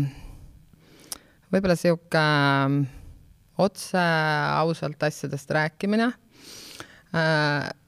mitte liiga palju sellist pikka mulli ette või viisak- kuigi norrakad on, minu meelest nad on viisakamad kui eestlased, et see palun ja tänan. Äh, noh, ma panen tähele, mu õde elab juhtumisi Londonis ja ma näen ka, kuidas inglastel on see noh, ka juba nelja-aastaselt, kuidas ikkagi iga asja järel see pliis, et võib-olla me eestlastena vahel kuskile see kaob lausete vahele ära aga et, et nende põhiväärtuste poole pealt mul oli tegelikult see Norra kolimine üllatavalt lihtne ja ma panin isegi niisuguseid asju tähele, näiteks mu Äh, abikaasa emaga ja, ja tegelikult ka meie oma kodus ei visata toitu ära, et olles ka pool aastat pikemalt siin kümme aastat tagasi või või see ei olnud päris kümme, võib-olla kuus-seitse aastat tagasi USA-s olnud, noh, kus ju mitte midagi ei säilitatud suhteliselt järgmiseks päevaks söömiseks, eks ju. et, et mingites põhiväärtustes jalad maas äh,, niisugune nagu säästlik äh, toidu tarbimine, et äh, ka see selline noh, norrakate puhul muidugi paned õudselt tähele ka see jalutamas käimine, see looduses ja, ja Eesti, Eestis on ju ka see vist väga popiks just nüüd Covid, Covidi ajal, eks ju. et, et tegelikult selles plaanis me, minu meelest me oleme üsna sarnased norrakatega, aga ongi, et noh, norrakatel läks majandusliku heaolu, helguse, sotsiaaldemokraatia taustal see kindluse tunne, et mis iganes minuga elus juhtub, riik tuleb appi, et, et noh, need on võib-olla viinud täpselt selle, ma nimetan selle enda keeles mingiks helguseks, selle natukene teisele tasemele mm. -hmm mis me juurde peaks õppima, et meil tekiks norrakatega parem klapp, nii kui me eksporti teeme, et lisaks sellele viisakusele, mida, jah. ja, no siin me tuleme mingis mõttes tagasi nende samade väärtuste juurde, see usalduse teema, see koos tegemine, ka tegelikult noh, ekspordis ja müügis, et äh, kuidas me koos seda tehes saame suuremaks kasvada, et, et eks äh, natukene see Eesti kultuuriruumi mina, mina, mina, kuigi Norra on ka väga individualistlik, väga individualistlik ja seda kasvatatakse juba noorest east. seal on ju lastele seadusega tuleb ma ei tea, kas see on üheksandast, kümnendast eluaastast järjest tuleb õigusi juurde, justkui ka sel tasemel, et kui perekond plaanib oma suusapuhkust, siis see laps võib öelda, mind suusad üldse ei huvita, ma tahan päikse alla, onju, mitte ilmtingimata, et tema selle arvamuse põhjal ka see otsus ümber vaadatakse, aga need õigused järjest ja noh, viieteistaastane otsustab ise, kas ta läheb edasi õppima, mida ta läheb, et vanem võib küll arvata, aga see see, nii et jah, võib-olla norrakatega äri tehes see meie teema tunnetamine kindlasti oma peas ka selle ametiühingute ja võib-olla selle töötaja õiguste teema mingis mõttes läbimõtlemine, et sa seal noh, nagu kuidagi paugutades ei satuks valesse kohta, eks ju, see ei ole kindlasti teema, kus öelda, oi jumal, ei meie küll mingi ametiühingud mm. unustage ära, et me oleme kõik oma ettevõttes teinud, et neid kunagi ei tekiks, on ju, selliste noh, siis kohe sa oled. ja see ei ole nagu Norra väärtustega, et just nagu mõned need väärtuspõhised asjad äh, läbi mõelda. Ja, ja noh mida mina norrakatega näen, nad on ikka väga väga soojad norra keeles. et võib-olla kunagi inglise keeles nendega seda eksporditööd tehes ma ei, ma ei osanudki seda soojust nii tunnetada. Ja, ja ma kuulen ju täna nendest väljakutsetest, aga kui sa ikkagi räägid temaga norra keeles ja ma tean ka, mis on need teemad, millega ma manageerin kohe seda kui, kui seal peakski, et sa kõlad soomlasena, kus sa päriselt äh, muud asjad, on ju. muide, nad, mul on, mul on ka mitmeid kordi küsivad norrakad otse, kas sa oled abielus norrakaga. isegi selline asi paneb sind nagu norraka silmis rohkem norrakaks Mm -hmm. et vaata, noh, eks Norras on Usaldus ka palju jälle. majanduspõgenikke, on ju, kes ongi oma eestlastest äh, partneritega või kuidas iganes või, või no mitte ilmtingimata majanduspõgenikke, aga igat tüüpi inimesi, aga, aga äh, ka, ka väga kõrgetel toimekatel kohtadel, aga see, kui, kui ma ikkagi elan seal ikka poole jalaga Norra perega täis Norra eru, Norra jõulutoidud, Norra Kadnaus vatt, on ju, siis jah, need kaks teemat, millega ma veel seda nii-öelda manageerin ka seda usalduse omaks äh,, omaks olemise teemat on käbin, hütta, nii-öelda siis äh, vaba aja kodu on ju, kellel ta on suusakäbin mägedes, kellel ta on fjordikäbin äh, mere ääres äh, ja purjetamine, need on absoluutselt kaks teemat, et nii kui me hakkame hüttest rääkima, kus on teie hütt, palju te seal aega veedate mm, -hmm. noh, kõik see teema ja siis need purjetamised, et see on ka kohe, kus oo oh jaa, sa mõistad meid. Just kuidas me nii-öelda ettevõtjana saaks Norraka silmis seda usaldust veel võita, lisaks sellele, et me räägime, kus meie eh, nii-öelda mägimaja on ja, ja suusamaja ja, ja me purjetame, kuidas veel, just noh, mida ja. sa näed sellel esimesel kohtumisel või kirjutamisel mm? -hmm Äh, noh, hea märk äh, alati Norra ettevõtjale on see, kui sul on Norraga ettevõtjana mingi kogemus, et, et sa ei ütle, ma pole kunagi käinud, on ju. Noh, näiteks kui see esimene miiting peaks juhtuma online miiting, on ju, et äh, ikka juba ainuüksi see, et oi, ma olen kalal käinud, see on muide hästi palju, mida Eesti ettevõtjad on teinud, nad on käinud Norras kalal ja siis mm -hmm. kohe läheb see jutt, et kus te olete täpselt kalal käinud ja värk-särk on ja mis tüüpi ja uh-uh. et äh,, et see on kindlasti see teema ja siis, kui me juba jõuame sinna nagu noh, see on niisugune isiklikul tasemel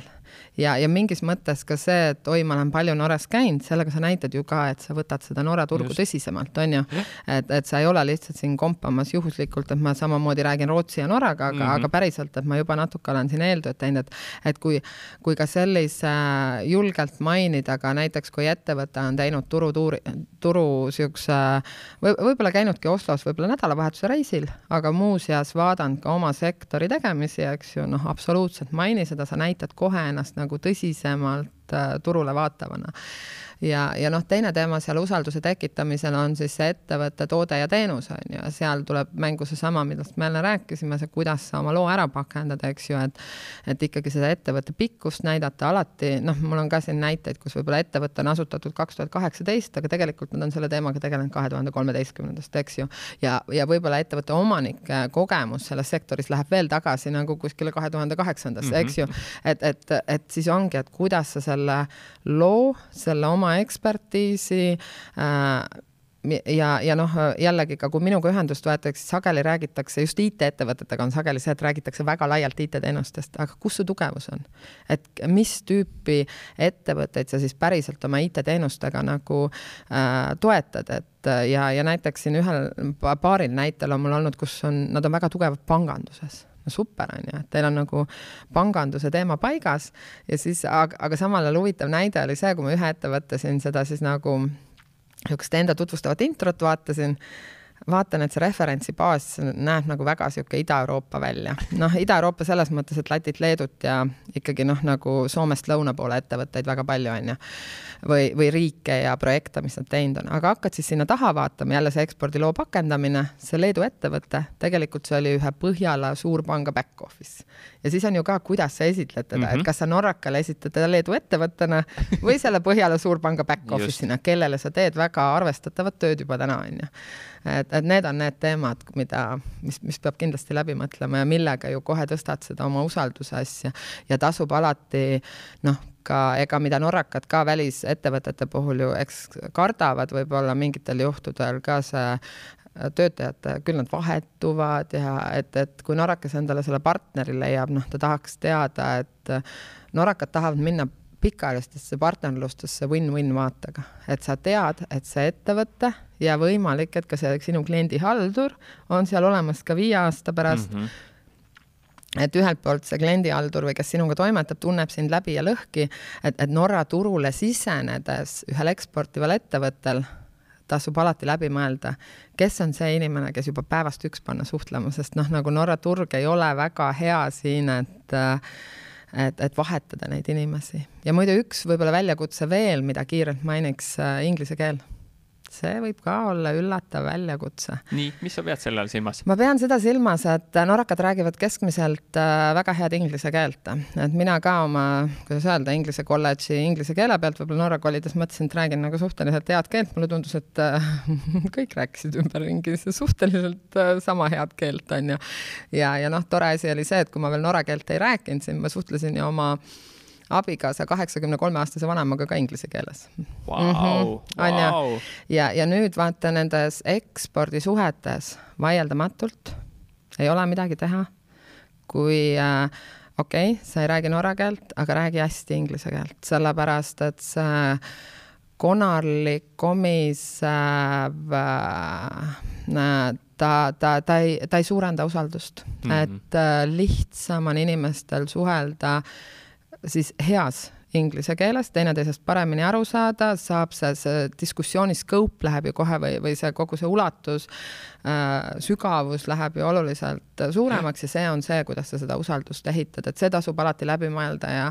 ja, ja on neid näiteid, kus alati noh, ettevõtte juhid ei ole kõige enam kodus, aga mõtle läbi, kes siis sinu ettevõttes seal eksporditöö peal oleks kõige parem. üks näide, mille ma toon äh,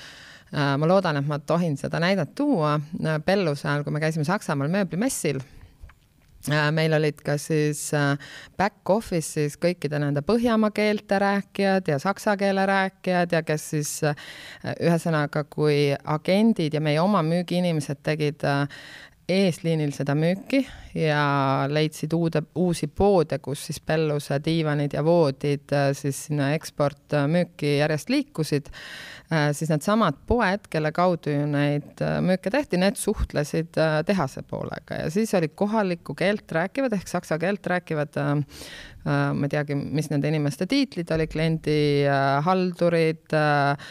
konsultandid, müükide registreerijad ja vormistajad ja kogu see paberimajanduse pool oli ka nende peal. ja, ja kui me Saksamaale hakkasime sinna messile minema,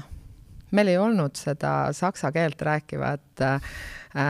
kliendihaldurit äh, seal algses tiiminimekirjas, kellega me lendame.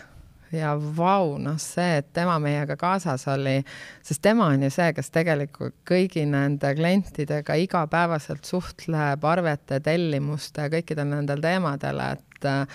et noh, ka vot sellised detailid, et alati ei peagi see eksporti tegev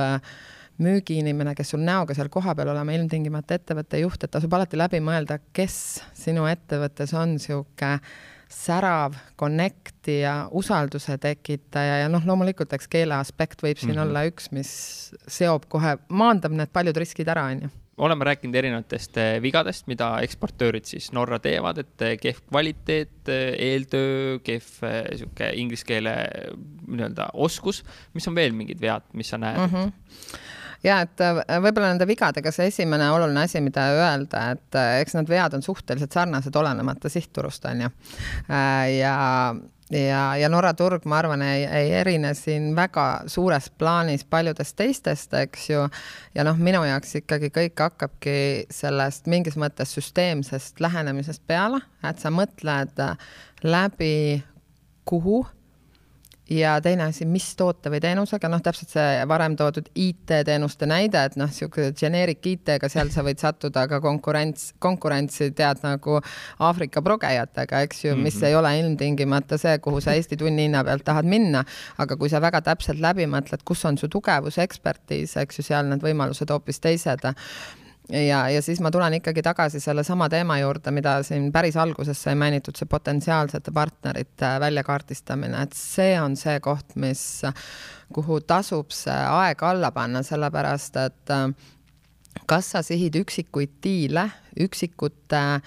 üksikud diilid, et sa teadki, et sa sihid seda ettevõtet, sa saad talt ühe diili ja tõenäoliselt ta ei osta järgmised kümme, kakskümmend aastat sult midagi. või sa sihid pikaajalisi partnerlusi, kellega koos kasvada. et, et see on ähm, hästi tugevalt see strateegiline koht ka, mis läbi mõelda ja näiteks ka nende ettevõtetega, kes nüüd minuga äh,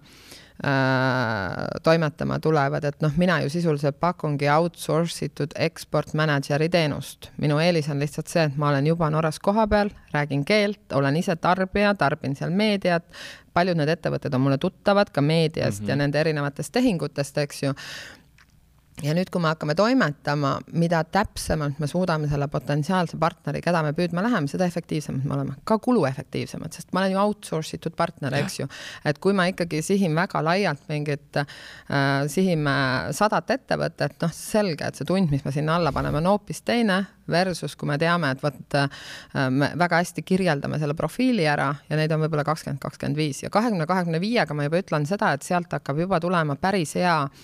sisend, mis päriselt meie võimalused on, on ju, kas turg on suhteliselt külm, et me pole üldse huvitatud, on ju, eri, erinevatel põhjustel, või on ikkagi see, et jaa, mingid võimalused paistavad, paistavad kas kallimas, odavamas, noh, millises sektoris või segmendis, eks ju. et ja, ja noh, siin on ka see koht, et võib-olla millega tasub ka seda ekspordis, milliste tegevustega sa lähed ekspordis seda turgu vallutama, eks ju, noh, üks äh,, millest palju räägitakse, on ju ka igasugused messid ja messidel väljas olemine. noh, mina olen natukene, messid on omal kohal, kui sul on äh, kohalikul turul see esindatus äh, hästi olemas, et siis sa nagu selle messiga tekitadki seda täiendavat usaldust ja ka sa kasutad seda messi, et oma müügisuhteid arendada, edasi viia. Mööblisektoris võib-olla oma uusi tooteid näidata, eks ju, aga kui sul seal turul ei ole midagi, sa pole isegi hakanud potentsiaalsete partneritega rääkima, sa pole isegi neid välja kaardistanud. et noh, kellele sa mida seal, see on nagu sihuke, see on nagu puhas sihuke phishing ja seda phishing ut on võib-olla mingis mõttes odavam teha online äh, erinevate reklaamid, äh, noh, reklaamiviisidega, eks ju.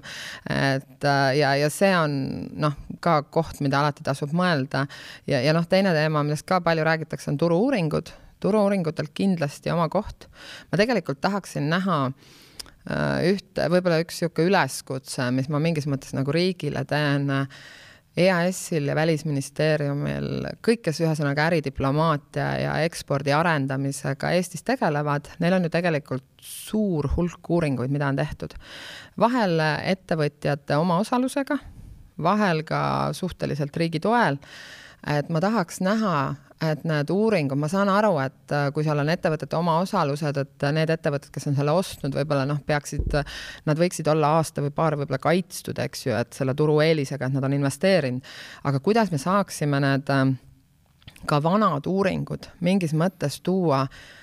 rohkem kättesaadavaks. Ja minu, minu, see võiks olla ju täiesti umbes nagu tead, nagu veebipood sümboolse hinnaga, kus me kõik näeme näiteks äh, kinnisvaraturg Norras. Võib-olla seda on uuritud siin, ma ei tea, kahe tuhandendal, kahe tuhande seitsmendal, et me näeksime ka need vanad ja vahel selle vana asja läbilugemine, mitte see annab nagu mõnusa tausta, sa saad ju aru, et asjad arenevad edasi, et kuidagi ka, kuidas seda poolt nagu, sellepärast et noh, kui minuga võtab üks eksportiv ettevõte ühendust, äh, siis ega ma neile väga suurelt äh, ei julge soovitada, et teeme nüüd mingi suure turu-uuringu, ma pigem olen seda meelt, et sellesama raha eest, kui me kaardistame välja needsamad potentsiaalsed -hmm. partnerid, hakkame nendega rääkima, see sisend on palju enam äh, niisugune actionable, turu-uuring on sageli tagasivaatav, aga ta on noh, oluline tunnetada ka, noh, kõigil on oma koht, eks ju, aga kuidas olla äh, ökonoomne nendes investeeringutes, mida me uuele turule teeme ja ega mul on ka ettevõtteid, kes ähm, kellele ma tegelikult äh, juba algusest peale, kellega me teame, et mingi turusegment võib olla väga keeruline. muide, üks asi, mis teeb Norra turu keeruliseks äh, Eesti ettevõtjatele, on seesama, Norras on Norra elanike arv on ju viis koma kolm neli miljonit, aga Norras on kakssada viiskümmend tuhat välistöötajat. Ja neist äh, sada viiskümmend tuhat enne Covidit olid kohapeal, sada tuhat pendeldasid, eks Covid on nüüd siin natuke muutnud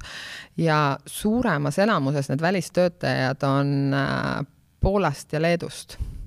ja, ja, ja mida see teeb, nad on ju endaga kaasa toonud ka Poola-Leedu ettevõtted, ehk et Poola-Leedu ettevõtted, eriti kui me räägime ehitussektorist, mööblist, ka IT-s, neid näeb üsna palju Norras. ja nüüd on see koht, et alati, kui ka minuga mõni Eesti ettevõte ühendust võtab, noh, just sellistes kuidas öelda, ka more industrial või mööbli või mingite selliste segmentidega, siis ma kohe küsin kuidas te näete oma konkurente just nimelt seal lõunapoolsetes äh, noh, kuidas öelda, Leedu, Leedu, Poola, võib-olla ka Läti suuna pealt, eks ju, sellepärast et võib arvestada, et suhteliselt kiiresti potentsiaalsete partneritega rääkides me hakkame kuulma neid hinnapunkte. et me oskaks juba ette mõelda, millega me seda turgu lähme püüdma, et jällegi, kui sa lähed niisuguse üldise geneerikuga, siis sa oledki kohe seal hinna, aga võib-olla me teeme mingit lõiku paremini, mida nemad täna veel väga hästi ei tee või kus meie noh, just nimelt rokime, on ju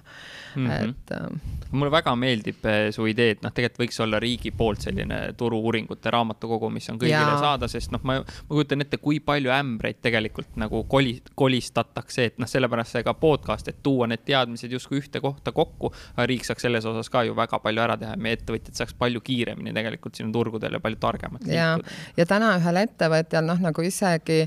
osata aimata, mida turg, mida EAS on uurinud, on ju, noh, alati mina soovitan kõigil küsida, küsige, küsige, mis on olemas, küsige Välisministeeriumi, EAS-i poole pealt, et mida on, aga, aga see on selline ühekaupa fish imine, et täpselt see, nagu sa ütlesid, raamatukogu mm -hmm. stiilis ta online'i üles ja kasvõi sümboolse hinnaga Just. ja, ja võib-olla nende vanade ka turu-uuringute pealt väike cash flow, noh, why not, et teeme lihtsalt ära, on ju mhm. Eh, ma korra tahaks küsida, kuidas sina suhtud või kuidas sa mõtestad seda, et noh, on nüüd meil kuulajad, kuulajaks mõni eh, ettevõte, kes tahaks hakata eksporti tegema, et kuidas seda sihtturgu valida üldse, et kuhu mm -hmm. siis ikkagi minema hakata, et kus suunas me selle kivi viskame? ja ma sattusin kuulama, kas see oli Indrek Sauliga? Ja teil oli ju selleteemaline podcast, ma soovitan igale ettevõtjale seda kuulata.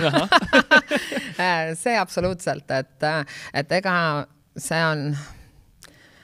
ta võiks äh, ta võiks olla mingis mõttes äh, kurb nii-öelda matemaatiline, sõna otseses mõttes matemaatiline, ega ei ole muud, et matemaatiline ühes nende kultuuriliste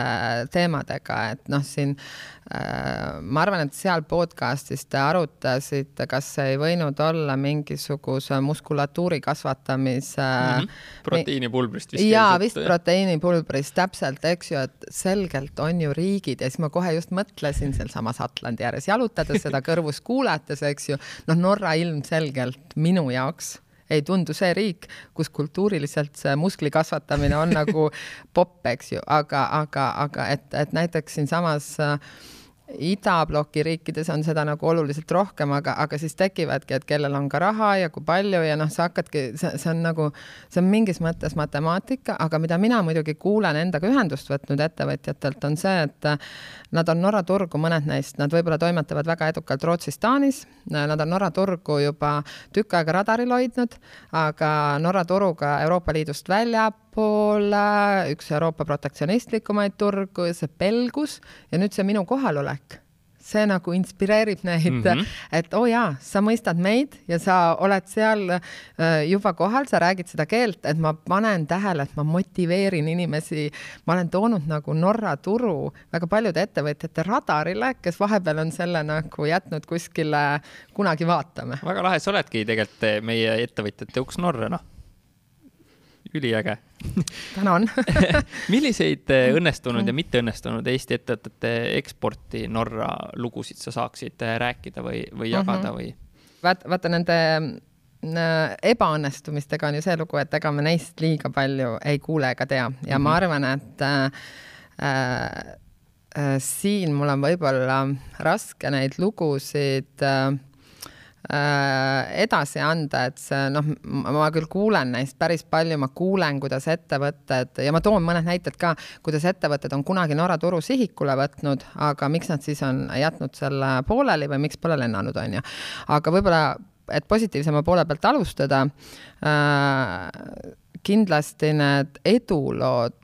need on sageli ikkagi, mida mina näen, niisugused pikaajalised edulood, need on tugevad partnerlused Need on tugevad partnerlused äh, ja, ja võib-olla kahe ettevõtte näitel ma julgeks sellest äh, ma hiljuti just ka kohtusin Argo Sauliga Nordic House'is on ju Norras toimetanud minu teada kakskümmend aastat ja, ja nende ju äh, ärimudel või ka see business model ongi selline, et ühes Norra partneriga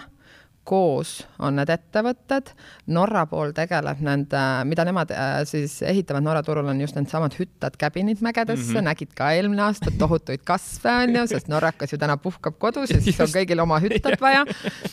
ja, ja, ja kuidas neil Norra pool haldab ära selle millised hüttad arhitektuurilise poole, ka selle, kuhu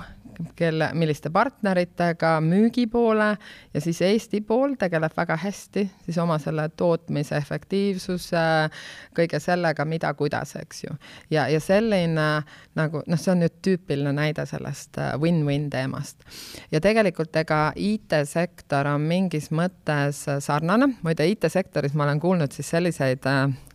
ebaedulugusid ja olen kuulnud neid mitmeid kordi, kus Eesti ettevõtjad suure õhinaga võtsid mingi hetk Norra turu äh, ette, kas siin, kes käisid riigivisiitidega või kuidas iganes. ja, ja tundus, et äh, ja, ja noh, ikka sihuke, me tuleme Eestist, me tuleme digiriigist ja siis äh, see laks, mille nad olid nagu Norrast saanud, nad ikka ootasid, et keegi vaataks üles nende poole aga kahjuks ei vaadanud ja, ja see laks oli nii karm, et mõni on mulle otse öelnud, et peale seda kadus nagu isu pikaks ajaks Norra turgu vaadata. ja, ja võib-olla see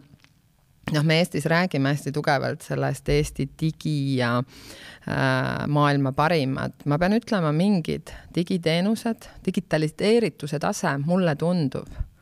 correct me if I m wrong, tõesti, meil ei ole, võib-olla Norras meil ei ole täna seda elektroonilist hääletamist, ma arvan, et see on pigem poliitilise valiku teema, eks ju. Äh, aga, ja, ja meil ei ole Bank ID-ga, mis on siis nii-öelda see meie ID tuvastamise platvorm, sellega ei ole seotud allkirjastamine veel, on ju, aga kui ma vaatan, kui, kuidas igapäevased teenused toimivad, ka see vaktsineerimisele registreerimine või mis iganes samme ma teen, ka oma ettevõtte registreerimisega ja mingite dokumentidega, äh, see on neil äh, väga hästi korraldatud. Aga, ja, ja noh, võib-olla, võib-olla ka see Eesti riik teeb ju väga tugevat promo selle meie ID ja kõige ümber, eks ju, ja, ja meie digi, digitarkuse ümber. aga, aga, aga jah, mida need Eesti ettevõtted nagu Norras saaksid paremini püüda, on ikkagi konkreetset tüüpi projektid ja partnerlused ja siin teenindades riigi ja munitsipaali, noh, peab arvestama ka sellega, et ühel Eesti ettevõttel võib olla keeruline saada ligi sellele konfidentsiaalsele infole ja siis leida enda jaoks need partnerlusmudelid ja näiteks võib-olla üks teine ettevõte ka, keda siis IT-sektoris ma ei ole küll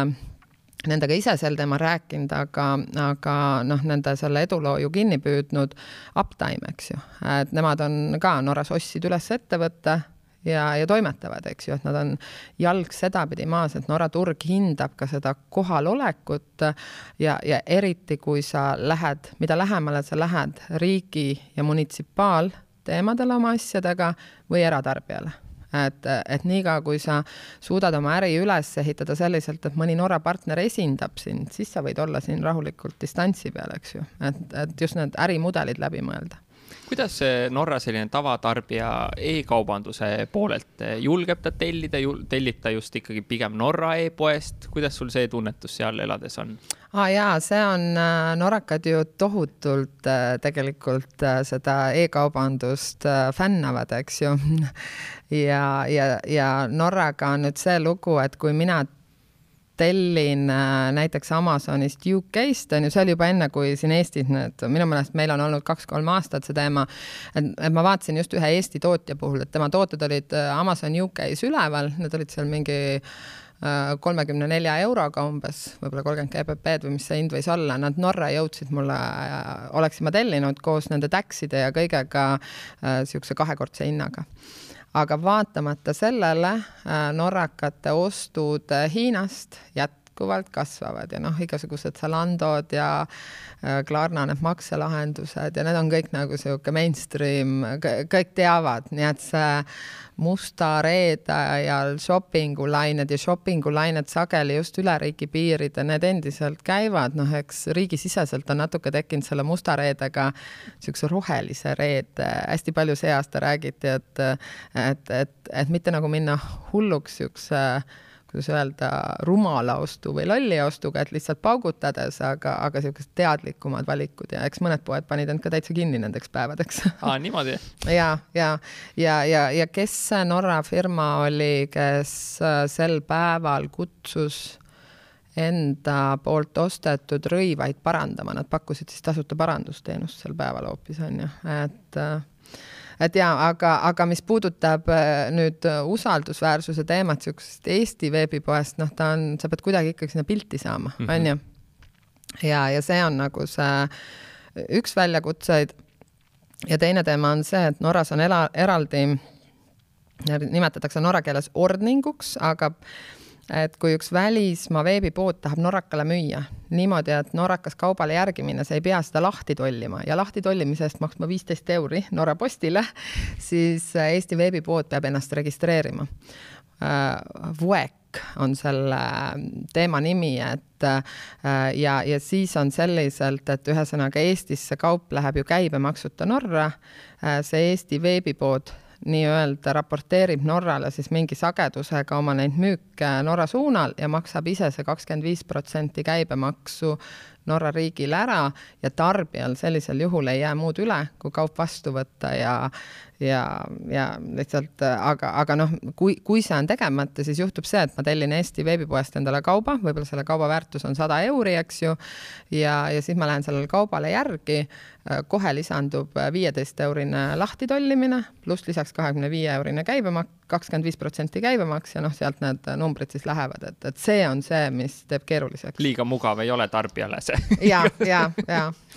kas on mingit tüüpi ettevõtted ka, mis Norra turule Eestist võiks eriti hästi sobida, et kui sa oled vot selles ja selles sektoris, noh, siis kindlasti tuleks kas sinuga ühendust võtta või kellegi teisega ja, ja nagu mõelda, on Norra turu peal um,?